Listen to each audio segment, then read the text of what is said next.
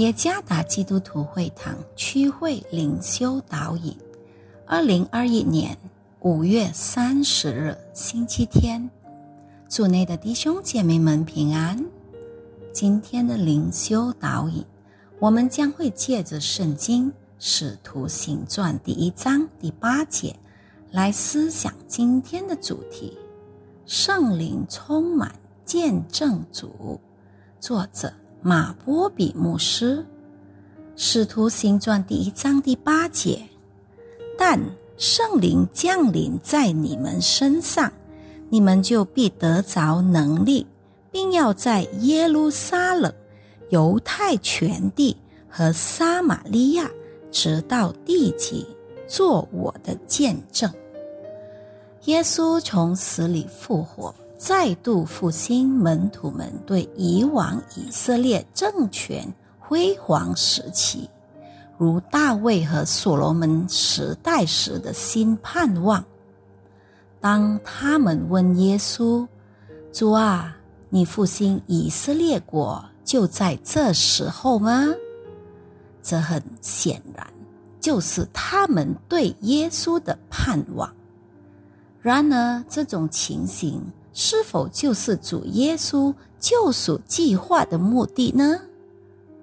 在这段经文里，明显的看出主耶稣不想在这世上建立起他的国度，就好像世上的领袖们那样，他把上帝的国度带进这个世界，好让那些信他的能在这世上的生活里。感受到天堂的光辉美丽，耶稣启发他的门徒们，让他们明白，他来到这世上不是要做世上的王，而是要把那些被罪恶的权势和永恒死捆绑中的罪人救赎出来。以色列国的复兴。不是他他们的责任，因为这一切唯有父知道。参看马可福音十三章三十二节。虽然如此，耶稣却要让圣灵降临在他们身上，他们就必得着传讲福音的能力。第八节，他们的生命充满了圣灵。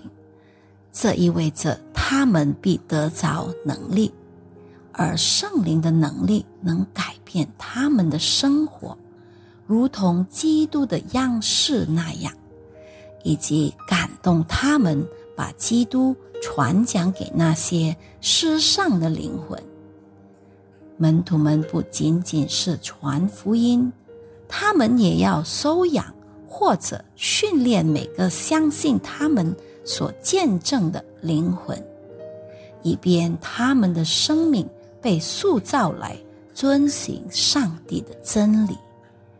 圣灵充满我们的生活也是如此，意味着赐给我们能力，从他而来的力量能改变我们的生活，如同基督一样，以及感动我们的心。把住在我们生命里头的基督，给那些失丧的灵魂做见证。除此以外，我们也被圣灵充满，以便得着能力来指引、教导、训练那些信基督的信徒们，好使他们的生活能遵守上帝话语中的每个真理。切勿感到惧怕，以为只是我们自己一人在回应上帝的呼召，去传福音以及门徒训练。其实圣灵每时每刻都充满着我们，抛弃困扰着我们心灵的恐惧感，相信圣灵每时每刻都。充满着我们来执行上帝的大使命，愿上帝赐福大家。